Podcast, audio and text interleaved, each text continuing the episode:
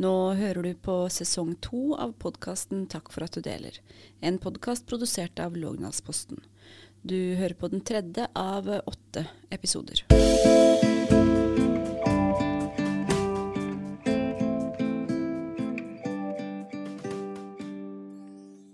Hjertelig velkommen til eh, sesong to av eh, Takk for at du deler. Mitt navn er eh, Linn Kristin Djønne, og i dag har vi besøk av Bjørn Ove Holmberg. Bjørn Ove bor i Kongsberg og har et litt uvanlig yrke. Han er fotograf, dokumentarskaper og krigskorrespondent. Han har fotografert mennesker i krig og nød i over 80 land. Bjørn Ove, hjertelig velkommen hit. Takk for det. Du har jo jobba som fotograf eh, i hele verden i veldig mange år. Eh, kan du fortelle oss litt hva jobben din egentlig innebærer?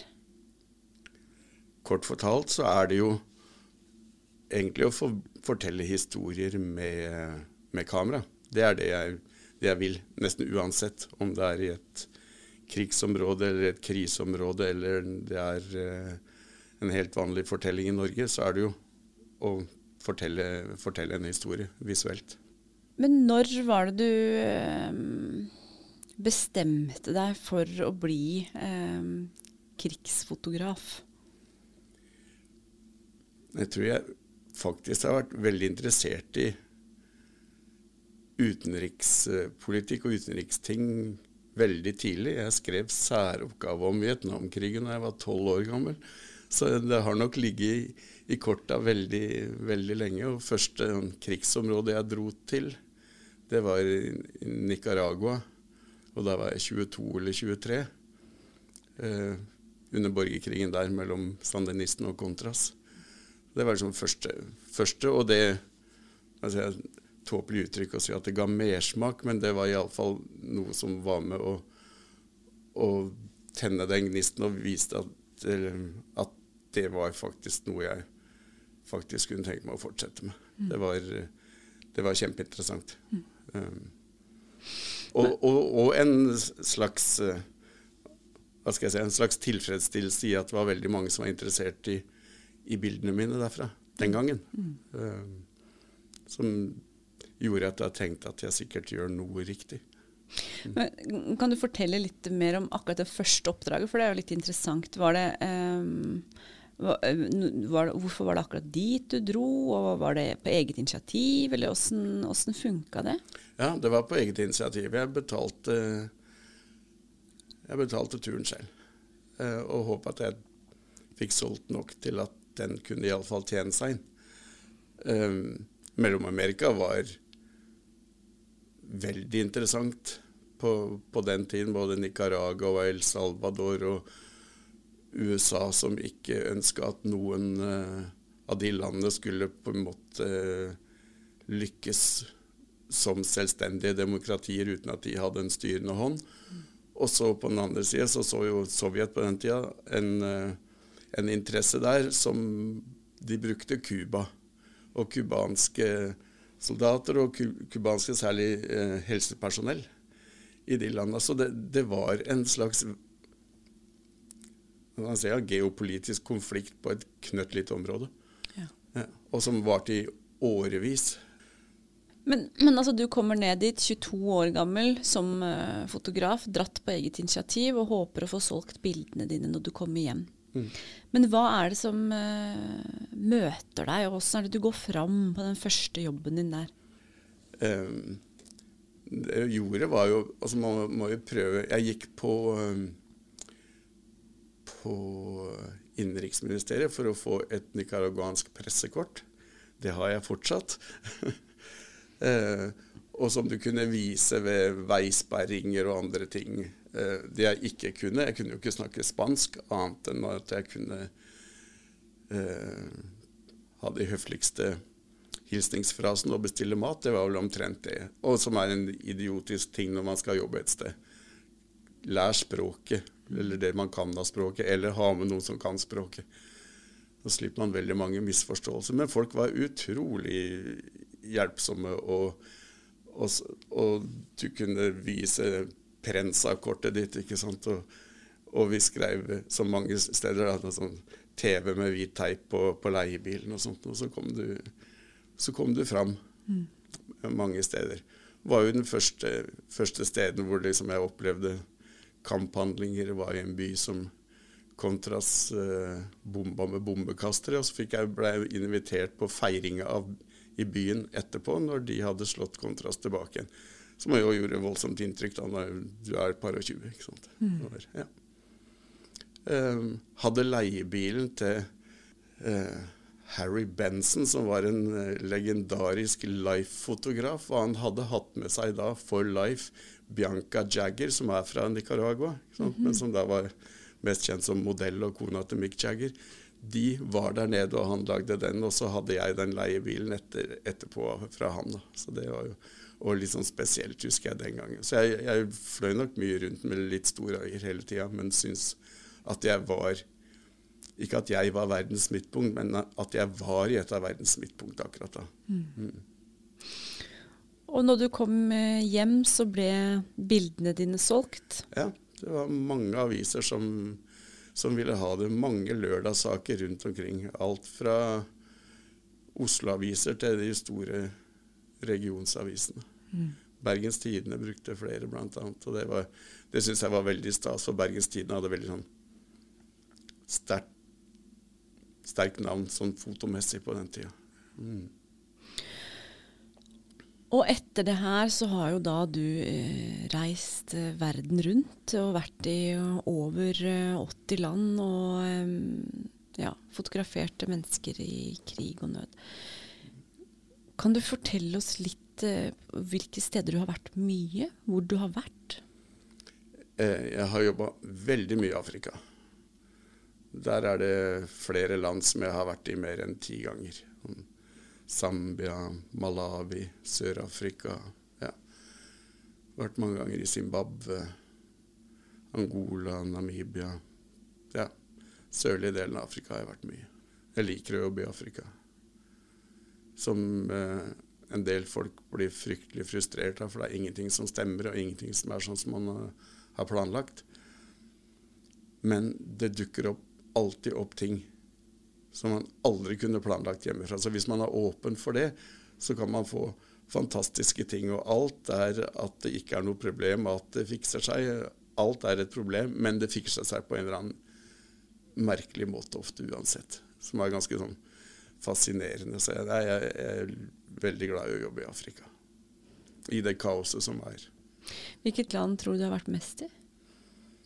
Jeg tror det er enten Zambia eller Malawi. Det er vel sånn ti-tolv ganger i hvert av de landene. Du nevnte det litt eh, innledningsvis, at uh, du ønsker å fortelle historier gjennom uh, kamera. Kan du si noe mer om hva som er motivasjonen din for den jobben du gjør? Jeg husker at det var sånn, folk som snakker om, om fotografer. Så jo, da kan man si at man kan være studiofotograf, portrettfotograf, bryllupsfotograf, kjendisfotograf. Alle de tinga de har jeg stryket fra lista mi, på en måte. Fordi at det er ikke det å stå og være på en måte teknisk fotograf som er noe drivkraft hos meg. Det er jo å, å møte mennesker i sitt naturlige element, ikke et element eller et miljø som er skapt av meg, men der de faktisk har sin hverdag og at jeg klarer å skape noe ut fra det stedet og det lyset og det som, som, er, mm. som er, der. Eh, og det kan være enten det er i Afrika eller det er på, på Finnmarkssida. Altså, jeg syns det er like spennende. Jeg har jobba mye med samer. Jeg holder på med et uh, prosjekt med samer nå, faktisk. Eh, men jeg syns at eh, alle typer urfolk og det tett på, tett på natur og og i en hverdag som er litt annerledes enn en urban og ofte i forhold behagelig hverdag, syns jeg er spennende, fordi at det syns på folka. Mm. Det setter sitt preg på de som er der, og så er det kanskje det preget som man ofte er ute etter, og som man ser enten man er i en, uh, i en situasjon der folk har natur og naturkrefter nær innpå seg, eller det samme i krigs- og kriseområder, hvor, hvor, folk har en, en annen hverdag enn en uh, caffè latte-hverdag. Ja, fordi det er jo egentlig neste spørsmål. Hvorfor akkurat krigsfotograf? Det er nok sa, tilbake til interessen min for, for utenrikssaker. Og at det var det jeg syns var, var viktig. Og det syns jeg vel fortsatt. Og særlig sånn som verden er i dag. Så er det kanskje noe av det som man savner i en mediedekning, en bakgrunn og en forståelse for det. Det er nødvendigvis ikke alt som Det er ikke så mye som forklares ved at man er nødvendigvis bare ved en frontlinje. Det er mye bak. Både historien bak og menneskene og Og det kan være sånn like viktig for en forståelse av en konflikt å prate med de vanlige menneskene i et land. Man, man får ikke så mye ut av f.eks. Eh, å snakke med soldater ved frontlinja. Det er ikke sikkert ok, du kan skjønne dems hverdag, men du, du skjønner ikke konflikten. Så det, det har vært mye sånn, kanskje en slags eh, Hva skal jeg kalle det? En, en, eh, et naivt håp om å nå fram med noen historier i en sånn medieverden som har vært vanskelig å nå fram med vettughistorier i, eller blir vanskeligere og vanskeligere. Du har jo selvfølgelig møtt vanvittig mange mennesker når du har vært ute og, og reist. Men er det noen uh, menneskemøter som du husker uh, spesielt uh, godt? Jeg kan ta to fra Afrika som er på, på, en måte på hver sin side av skalaen. Det ene er at jeg har møtt Nelson Mandela to ganger. Det er jeg litt stolt av. Eh, men så har jeg òg møtt, og det var langt ute på landsbygda i Malawi, første gangen jeg kom inn sånn Opp gjennom alle åra i Afrika så har jeg jo møtt fryktelig mye folk med med hiv og med utviklet aids. Den første gangen jeg var inne i ei jordhytte Det var en bambusmatte på gulvet og en liten plastkopp, og ved siden av den så lå det en dame på 40 år og, og døde, mens moren hennes satt og, og, og vifta som hun skulle få litt uh, luft i varmen ved siden av. Og hun lå der, og jeg visste ikke om hun levde eller døde når vi gikk ut av den hytta igjen, men hun sa at hun ikke var redd for å dø. For da kom hun til å møte mannen sin og barna sine som allerede var døde av aids. Mm.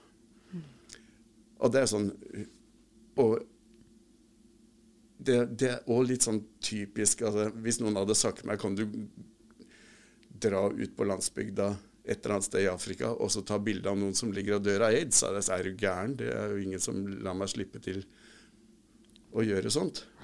Men så spør de meg da om jeg vil ta bilde.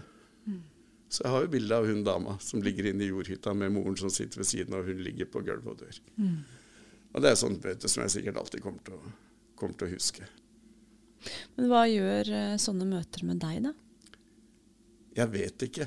Fordi det, folk spør meg òg om jeg er prega av, av, å ha vært i sånne krig- og kriseområder. Så så, jeg aner ikke, for jeg vet ikke hvordan jeg hadde vært hvis jeg ikke hadde vært der. Så det eneste jeg vet, er at det, det, har, det, det gjør noe med hvordan jeg kanskje ser på en del norske problemer. At jeg ikke helt klarer å se at det er fryktelig, en fryktelig stor sak om en flaske vin blir åtte kroner dyrere på polet, liksom. Ja.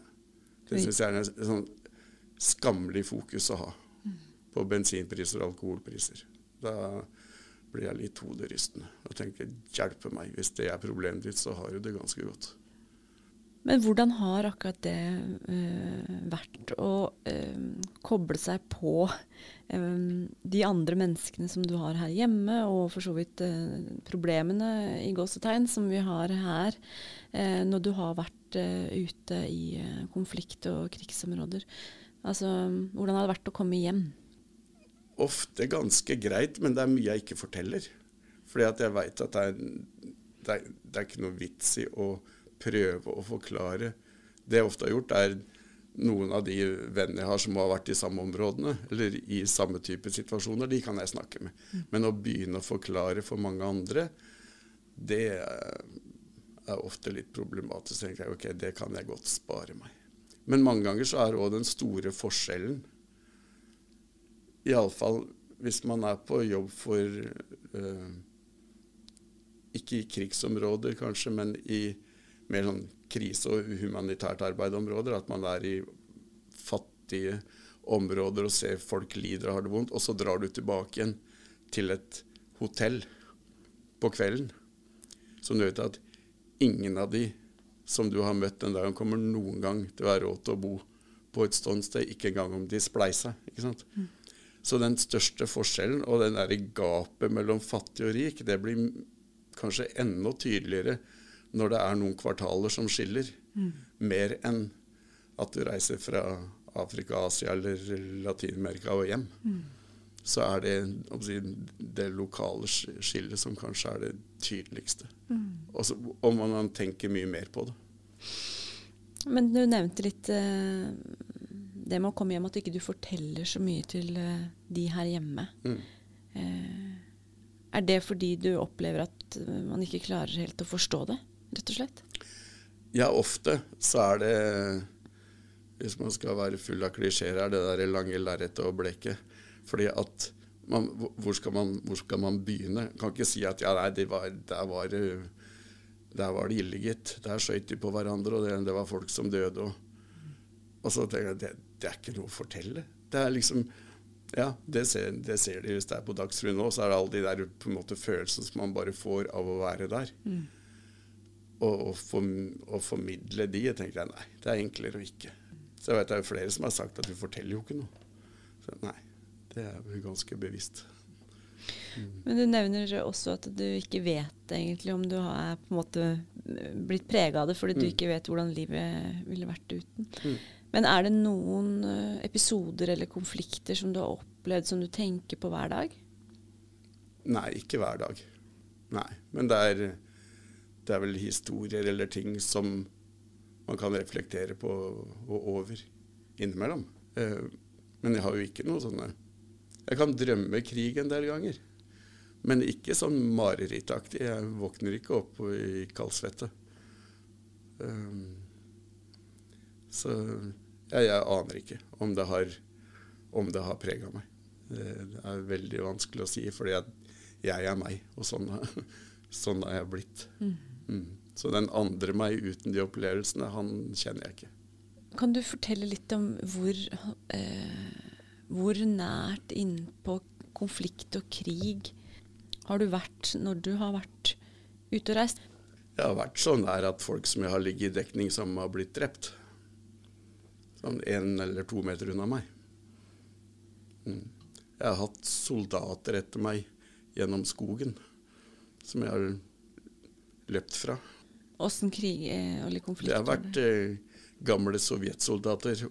Omon-styrker, Black Berets-folk som eh, med svarte finlandshetter som løp etter meg gjennom en skog i Baltikum. Og hvor jeg hadde sett og tatt bilder av at de hadde skutt den gangen en milits. da, Så ville de ikke at de bildene skulle synes, sikkert. Så visste jeg at hvis jeg løp gjennom den skogen, eh, så var det folk på andre sida, og kom jeg fram til de, så turte de ikke å skyte meg. Og jeg har blitt skutt på i Sør-Afrika i sånn kamper i, eh, i sånne townships mellom da Inkata og ANC-tilhengere. Og hvor vi hadde dekning, husker jeg en gang, bak den eneste bilen som sto på en plass. Vi lå bak den mens de skøyt over hodet på oss. Og så kom han fyren som eide en rød Toyota Corolla, husker jeg. Så kom han løpende og sa They're shooting, it's my car. Du kan jo ikke ta den bilen nå, it's our only cover, sa vi. Nei, nei, nei, I have to move it. Så da beinfløy vi ved siden av en rød Toyota Corolla helt til vi kom til en uh, annen dekning, da. Så det gikk bra, det òg. Da var det sånn Og det blir litt Ja, det er dramatisk, men det vi gjorde etterpå, du, du bare ler. For det var litt sånn absurd. Absurd og ja. sikkert litt i sjokk og ja. ja. Så det er noen sånne. Uh, og jeg har sittet på buss aleine i tidligere Jugoslavia, eller Kosovo, Kosovo-krigen. eh, aleine på en buss sammen med væpnede tenner, drita fulle serbiske soldater. Da følte jeg meg òg litt utsatt. Det gikk bra, det òg. Mm.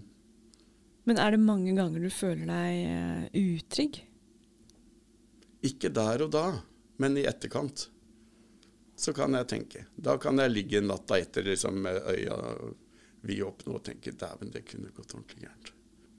Men akkurat der og da så er jeg, er jeg faktisk overraskende rolig og rasjonell. Men handler det om at du har på deg jobbhatten? Ja, det tror jeg. En eller annen profesjonell greie som, som, gjør at jeg merker at når jeg er Jeg kan bli desperat hvis eh, Mac-en min bruker ett minutt lenger på noe enn han skulle. Altså noe som tar ti sekunder, som tar ti minutter. Da kan jeg bli fryktelig utålmodig. Men hvis det er sånn skikkelig krise, så blir jeg rolig. Så jeg har ja, forskjellige reaksjonsmønstre på, på liksom, store ting og trivielle ting som egentlig ikke burde være noe. Mm. Da kan jeg temperamentet mitt fly i taket. Men når det virkelig er krise, da takler jeg det ganske bra. Mm. Du beskriver jo flere episoder hvor du har vært i, i fare. Um, du har jo familie her uh, hjemme. Mm. To nå voksne barn. Mm. Hvordan har det vært å ha uh, altså, familie og noen nære her hjemme? Har de visst eh, Hvor mye har de visst? Det som skjedde en gang, da var vel Kristina og Sara kanskje 12-14 år, kanskje litt tidligere enn det, hvor, hvor de var Det var ting på Dagsrevyen hvor jeg ble intervjua direkte under et sånt angrep. Og det, da kom det saker i avisene etterpå at jeg nesten var skutt, og bla, bla, så, som de så. Jeg tror ikke de hadde tenkt noe særlig på det før, men da, da, da sa det 'Pappa, nå blir vi redd når du reiser ut igjen'. Mm. Og da husker jeg at da, da tok jeg eh, Forandra jeg vel litt fokus. Da begynte jeg å jobbe mye mer for sånn humanitære organisasjoner. Kunne jobbe på ganske mye av de samme stedene, men litt annerledes. Mm. Så jeg sa at nå trenger dere ikke å bekymre dere sånn. Så du var ikke så nære konflikten Nei. lenger? Nei. Men det valget var uh, ikke nødvendigvis for din egen del? Nei, det var jo at jeg, jeg ville høre på, altså ta, ta, det ungene sa på alvor. Mm. Men at jeg fortsatt følte at, det, at jeg kunne bruke kameraet mitt på en, på en vettug måte. Mm. Og fortelle viktige historier. Akkurat mens uh, vi sitter her, så fortsetter jo krigen i uh, Midtøsten. Uh, og Israel bomber Gaza med full styrke. Da Låglandsposten intervjua deg i 2019, så fikk du spørsmålet på hva som hadde gjort mest inntrykk i løpet av karrieren din. Og da nevnte mm. du Gaza. Mm. Mm. kan du fortelle fortelle oss som ikke har vært der, eh, hvordan det er i Gaza? Jeg kan prøve. Um, det er jo et område, et avlukka område med høye murer, med piggtråd på toppen, og før det minefelt som går på tre sider av det som heter Gazastripen. På den fjerde sida så er det så er det havet. Um, de som bor der, har ikke noe sted å dra. Det er 2,2 millioner mennesker på et uh, område som går fra Kongsberg til rett forbi Flesberg, mm. og som er én mil bredt. Så er det sånn fem kilometer på hver sin side av Lågen oppover dalen. Så, så, ser det sånn ut. Eller fra Kongsberg til Hvittingfoss, hvis man tar andre veien. Mm. 2,2 eh, millioner mennesker som ikke har noe sted å dra. De kan ikke bevege seg utenfor. Det er eh, Israel som bestemmer om de skal få vann, om de skal få strøm. Eh, før så kunne de dra ut på havet og fiske. Nå går de israelske patruljebåtene de siste åra, nå er det en, en kilometer ut, og der er det ikke noe særlig fisk. Så fiskebankene utafor, de, de, får de ikke dra til. Um, det er Hamas som styrer der nå. Det Hamas gjorde 7.10, det kan ikke forsvares på, på noe vis. Skjønte jo med en gang at dette her kommer til å bli fryktelig, fryktelig blodig. De menneskene som jeg har møtt Jeg har møtt ganske mange mennesker inne i Gaza. Så er, så er det ikke nødvendigvis de Hamas-tilhengere. Det sånn, dette er vanlige palestinere som har Gaza begynte som en flyktningleir. Sånn, I 1948, de, altså 47-48, da fantes det ikke noe Israel. Det var jo noe som den vestlige verden som ga et land til den jødiske befolkningen som hadde blitt utsatt for uhyrlige ting under annen verdenskrig. Men det landet de ga til dem, der bodde det faktisk allerede mennesker. Og det var et eget land som het Palestina. Så det er en 75 år gammel konflikt, fordi når, når de kom og inntok det landet, så fordrev de 750 000 palestinere. Tok fra de hjemmet, tok fra de landsbyene sine. Og mange av de ble flytta ned til, til Gaza. Så Gaza begynte som en flyktningleir. Og så har det bare utvikla seg til å bli ja, det man kaller verdens største åpne fengsel. Og det er jo 16-17 år siden Israel hermetisk lukka Gaza. Så det man kan spørre seg, er et helt under at ikke hele Gazas befolkning er blitt ekstremister. Det har de ikke. Alle de jeg prater med i Gaza, de vil bare leve vanlig liv, få lov til å dyrke jord hvis det hadde blitt tilgjengelig, få lov å fiske hvis det var mulig, få lov å drive butikken sin hvis det var mulig. Nå, nå lever de ikke av noe som helst. Det er over 50% arbeidsledighet, og over halvparten av befolkningen er under 18 år. Mm. Så det, det, er liksom en sånn det går, det går, ikke helt an å tenke seg. For mange andre konfliktområder så har man muligheten til å reise ut av området hvis det skjer grusomme ting sånn som det skjer nå. Det har du ikke i Gaza. You're stuck. Her er du, her blir du. Så det er egentlig den største forskjellen med andre kriger og konflikter du har vært i? At det er rett og slett et helt lokka område? Ja, og pluss brutaliteten. Nå blir det stadig brukt av og mer og mer av norske politikere at Israel har rett til å forsvare seg. Selvfølgelig har de det, men de har ikke rett til å begynne å begå egne altså det er rene terrorhandlinger, det som skjer. Så kan de bruke at, at Hamas har, har, skjult seg, de bruker menneskelige skjold. Men altså, det viser jo at de bryr seg jo ikke om palestinske liv i det hele tatt. Og så skal øh, Vesten sitte og se på at det kan skje et folkemord der, er jo helt forkastelig. Det er, øh, er sånn langt ut for det man kan tro at man kan tillate. Tenk om det hadde vært motsatt. Hvis palestinerne hadde vært en mektig militærstat, og Israel hadde vært øh, et lite og sårbart uh, land med en befolkning som, uh, som stort sett var flyktninger, eller og så skulle, palestinerne bombe og bombe og bombe og bombe den israelske befolkningen. Det hadde vært en det hadde vært en voldsom reaksjon i den vestlige verden. Mm. Ja. Den har aldri kommet. I løpet av 75 år så har aldri den reaksjonen vært der.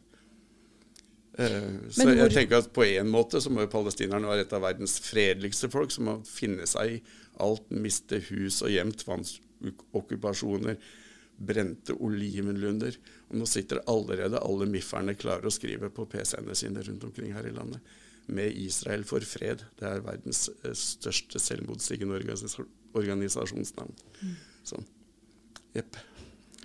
Du har jo fulgt eh utenrikspolitikken og krig og konflikt i mange, mange, mange år. Har du noen gang opplevd verden som så ustabil som det den fremstår nå? Nei, det tror jeg nesten ikke. Fordi at uansett om man kunne være fryktelig uenig med veldig mange, både statsledere og, og ting, så, så, så visste man på en måte at ting hadde en retning. Det vet man ikke lenger. Nå er det ikke godt å vite hva som skjer om ett år eller to år, eller ting kan plutselig bli snudd på hodet. Hvis Trump blir president i USA, og, og han sier at han er så innmari god kompis med, med Putin og skal få stoppa Ukraina-krigen på 24 timer, hva betyr det? Mm. Han kommer ikke til å klare det, men altså bare at han sier sånne ting, eller at, uh, at naboland nå, sånn som Slovakia, plutselig blir for en regjering som er Putin-vennlig, som er medlem av EU, og som gjerne vil bli sett på som et vestlig land. Og så snur de helt om der. Du har Ungarn, du har masse i Europa, mange land som, som er ustabile. USA kan bli et helt ustabilt land, for du aner ikke hva som kan skje der. Russland er som det er. Så det eneste som sitter og gnir seg i hendene nå, det må jo være Kina. Mm. Og Kina er jo heller ikke et demokratisk mønstersamfunn, akkurat, for å være mild. Men når det er store konflikter, sånn som uh, krigen i Midtøsten eller Ukraina-krigen, som har fått mye oppmerksomhet da, sånn de siste åra nå, får du et behov for å dra ut og fotografere? Ja, det kan jeg merke. Jeg merker det særlig i Ukraina. Nå tenker jeg i f.eks. i i Gaza så er det, der kommer jeg ikke inn nå. Men Ukraina så har jeg tenkt på det flere ganger. Men nå har det òg vært Jeg har hatt hendene fulle med andre prosjekter om dagen. Så det, er, det har gjort at jeg vet at det har vært, vært, umulig akkurat nå. For det er ting som jeg må bli ferdig med. Men, eh, men ellers kan jeg merke, merke det. Mm. Ja. Du nevnte det litt i stad, at du ønsker å fortelle historier, og at du håper at du har klart å fortelle historier gjennom bildene dine. Men mm. opplever du det på responsen eh, eh, på det du har publisert? da? Føler du at du har gjort en forskjell med den jobben du har gjort? Ja, innimellom så gjør jeg det. Innimellom så vet jeg at ting har blitt sett av, av mange. Eh, men, men, det har jo noe med at altså, jeg, jeg når fram til de som er alle allerede er interessert, kanskje, med de bildene. Det er ganske mange andre som man skulle ønske man nådde frem til. Eh, som er altså grupper som ja, det, er, det, er, jo ganske mange grupper i samfunnet som er både totalt uinteressert i det som skjer ute i verden, eller som for meg har en helt merkelig eh, inngang til deres forståelse av det. Eh, så det hadde vært eh, ålreit å, å, kunne nå fram til noen sånne, men det, det vet jeg er vanskelig. Mm. Men sånn som nå, så er det mye forferdelige bilder som vi ser i, i, mediene. Både fra Ukraina og selvfølgelig også fra Gaza. Mm. Um, mange som jeg snakker med, sier jo bl.a. at de ikke helt orker å se på de orker ikke mm. å ta inn over seg bildene. Mm. Eh, og de orker ikke å lese de sakene, for det blir for, det blir for voldsomt. Ja. Hva, tenker du, hva, tenker du, om eh, det? Nei, da tenker jeg så I utgangspunktet så er det et fint ilandsproblem. At man ikke engang gidder å prøve å forstå hvor jævlig folk andre steder har det. Men de samme folka kan plutselig synes at det er grusomt at det blei dyrere vin på polet. Det er noe som er hva skal jeg si, innenfor fatteevnen.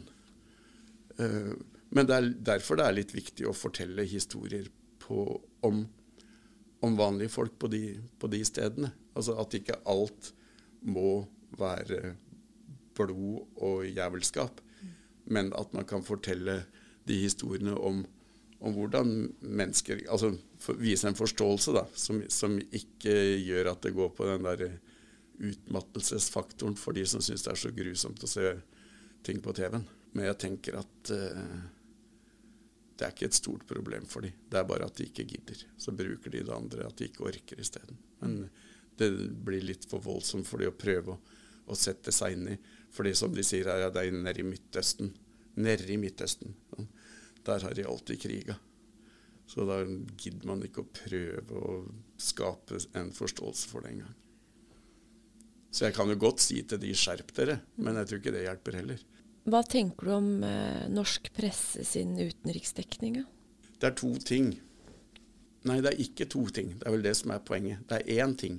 Det, det, det ser ikke ut som de klarer å takle to kriser samtidig.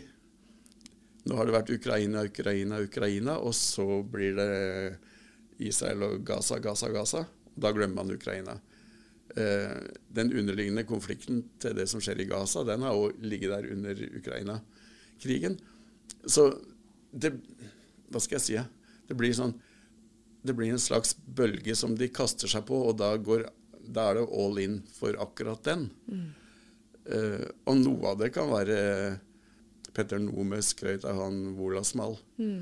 her uh, om dagen. og som Jeg, han har, jeg syns han har vært fantastisk dyktig sjøl. Altså, så rolig og faktabasert og fin i sine uh, reportasjer derfra. Så er, de har noen kjempedyktige folk.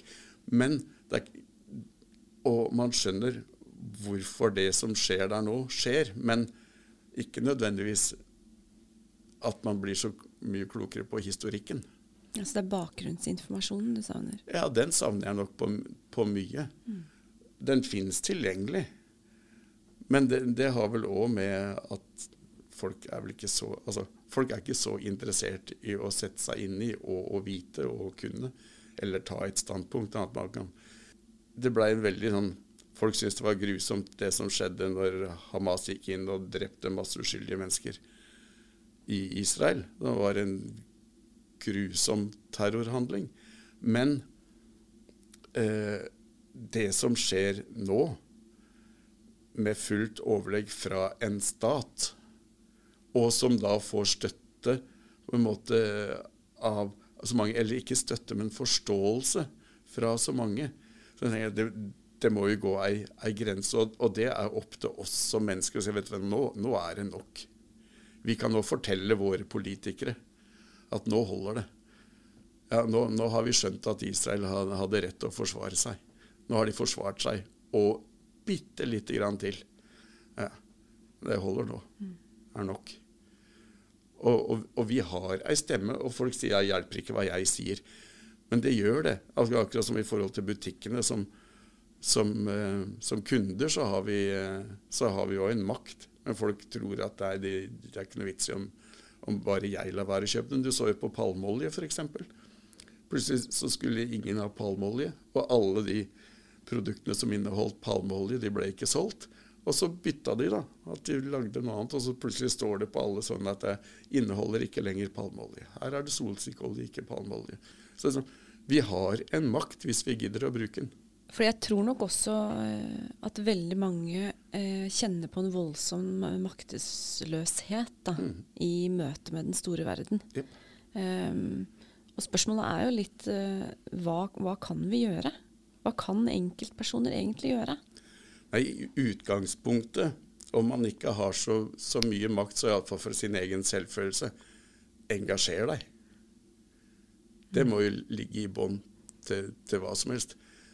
Uh, de klarer å engasjere seg hvis det norske fotballandslaget ikke klarer å kvalifisere seg til EM. Da er det voldsomt engasjement. Det går an å engasjere seg i sånne litt viktigere saker òg.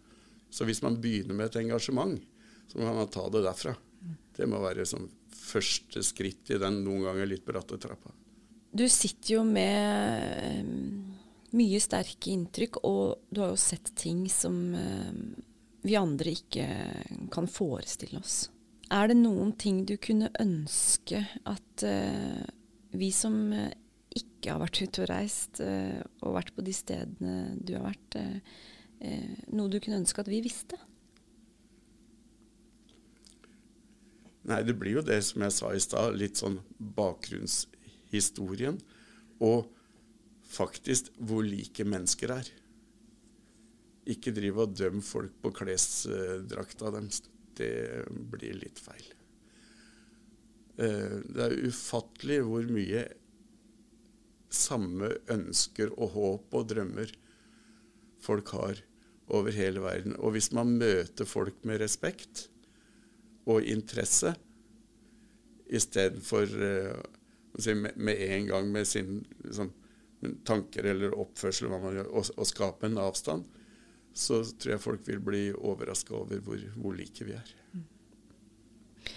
Du har jo holdt på i mange år. Um, opplever du at uh, følelsen av uh, oss og dem har blitt forsterka? Jeg syns det de siste åra. Ja. Mm. Um, før, hvis man tenker sånn Før jeg begynte å jobbe med òg, hvor det var en Hva skal jeg si um,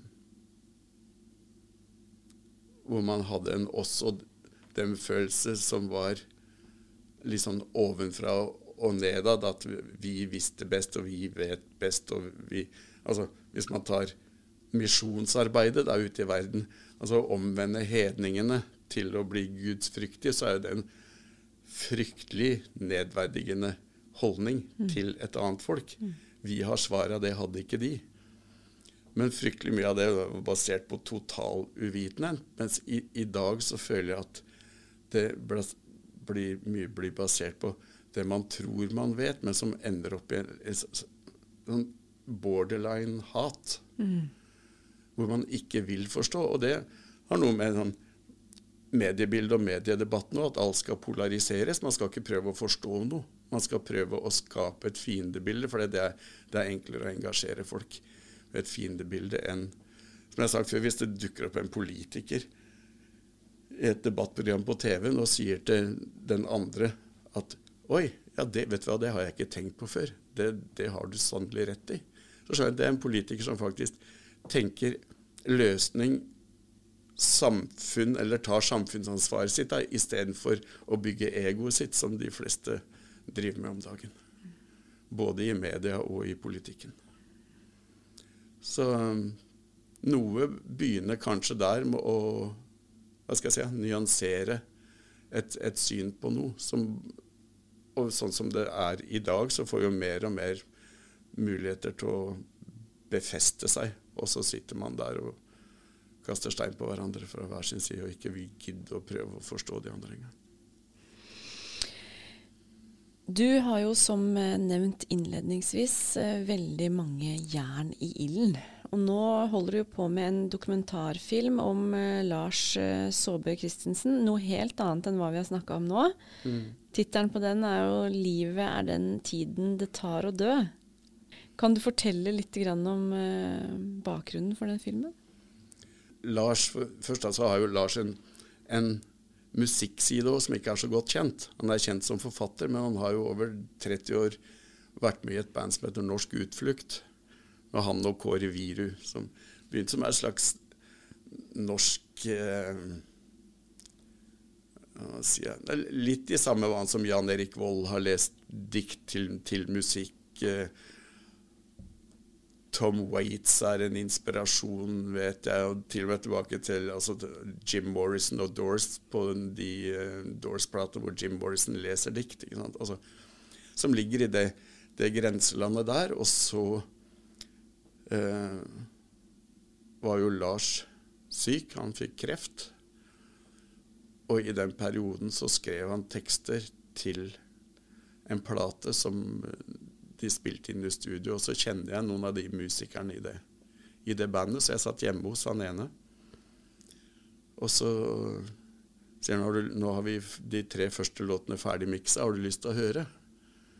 Og så ble jeg litt slått i bakken av de tekstene, og jeg så som både er en velsignelse og forbannelse. Jeg ser bilder. Mm. Og så sier jeg til Espen, som jeg var hjemme hos, at dette her er jo en film. Det må jeg høre om Lars kan gå med på. For jeg så så mye bilder, og det var Det er voldsomme tekster. Det er heder og verdighet, den, den plata. Og den handler mye om døden. Og så snakka jeg med Lars, og han sa at han, han er ikke interessert i å lage noe som helst som har med sykdommen å gjøre. Der har det vært så mye skriverier i aviser. Og så sa jeg nei, nå skal vi lage om musikk, sa jeg. Og så visste jeg at hvis han går med på det Og da ble han interessert. Altså, OK, ja. Men hvis han går med på det, så er han nå nødt til å snakke om utgangspunktet for de tekstene. Mm. Så vi hadde eh, vi ble enige, hadde først et møte på Cappelen Dam i Oslo, og satt der. Og så sier han ja, ja, dette her er litt i min ånd. Vi, kan, vi, vi prøver på det. Jeg er så første filmfotograf fått lov å komme hjem til Lars. Eh, inn i hans aller helligste. Og vi har vært i Vesterålen i Sortland sammen som Lars, der Lars bodde i 15 år, og som har vært en viktig del av hans forfatterskap og hans liv. Så det blir en film eh, om eh, mer enn eh, bare musikken også, skjønner jeg? Det gjør det. Det var på en måte bare en sleip inngang. og den har nå premiere på kino 17. Ja. november? Jepp, det stemmer. Så det blir rundt i ja, stort sett hele, hele landet, ser jeg. Mm. Med det, Bjørn Ove, så har jeg lyst til å takke for at du hadde lyst til å stille opp i podkasten. Og lykke til med premieren. Takk for det. Takk for at jeg ble invitert.